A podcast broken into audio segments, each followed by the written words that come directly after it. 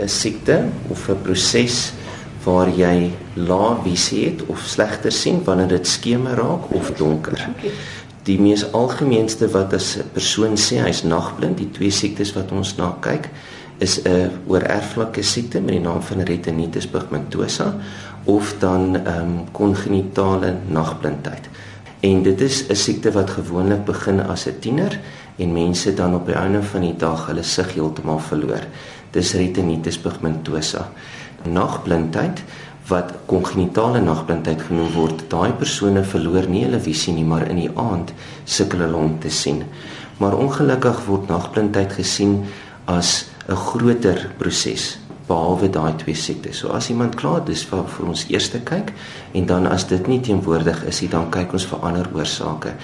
En wat is kleurblindheid dan? Hulle is nie blind nie, hulle kan net nie kleur sien nie.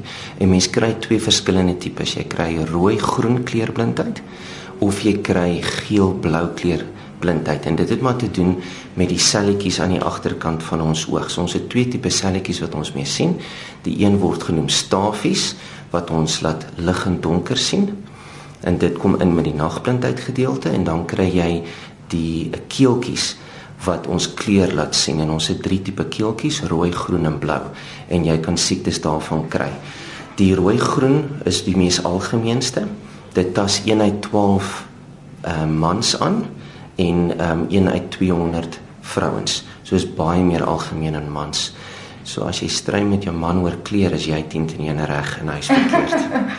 Watter tegnologie is beskikbaar om te help om met hierdie toestande saam te leef? So eerstens is hulle bril moet altyd op standaard wees.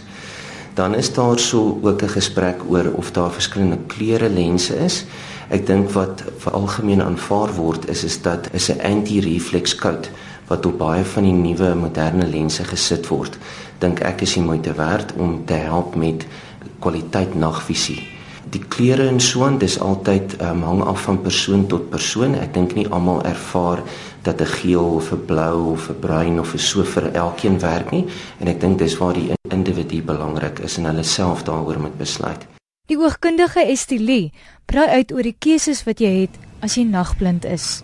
Weet jy daar's ons baie oulike filters, shields, dit gaan vir mense daai kontrassensitiwiteit enhance 'n ou gaan jag en dit is baie bewolk en donkerig en jy sit 'n kontrasfilter en dit is gewoonlik in jou geel oranje maar dit dis veral die geel vir nagblindheid wat dan ook gaan werk. Jy kry hom in 'n ligter geel en 'n donkerder geel. As mens nagblindheid ondervind, eerstens moet 'n mens sorg dat jy jou regte voorskrif het en dan verder anti-refleksie bedekking op te sit.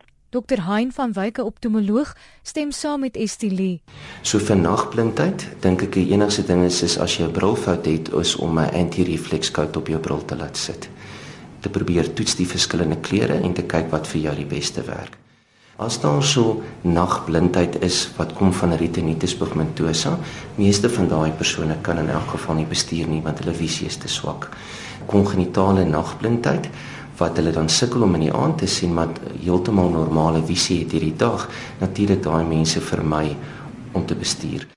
Vir ons siektes soos vir retinitis pigmentosa en vir nagblindheid tans het ons nog nie enige iets om dit te genees wat nie chirurgies is nie. So ongelukkig is chirurgiese goed 10 teen 1 die toekoms vir kleurblindheid is daar geen toestel of voorwerp wat jy kan gebruik om jou kleur en kleurvisie te gee nie.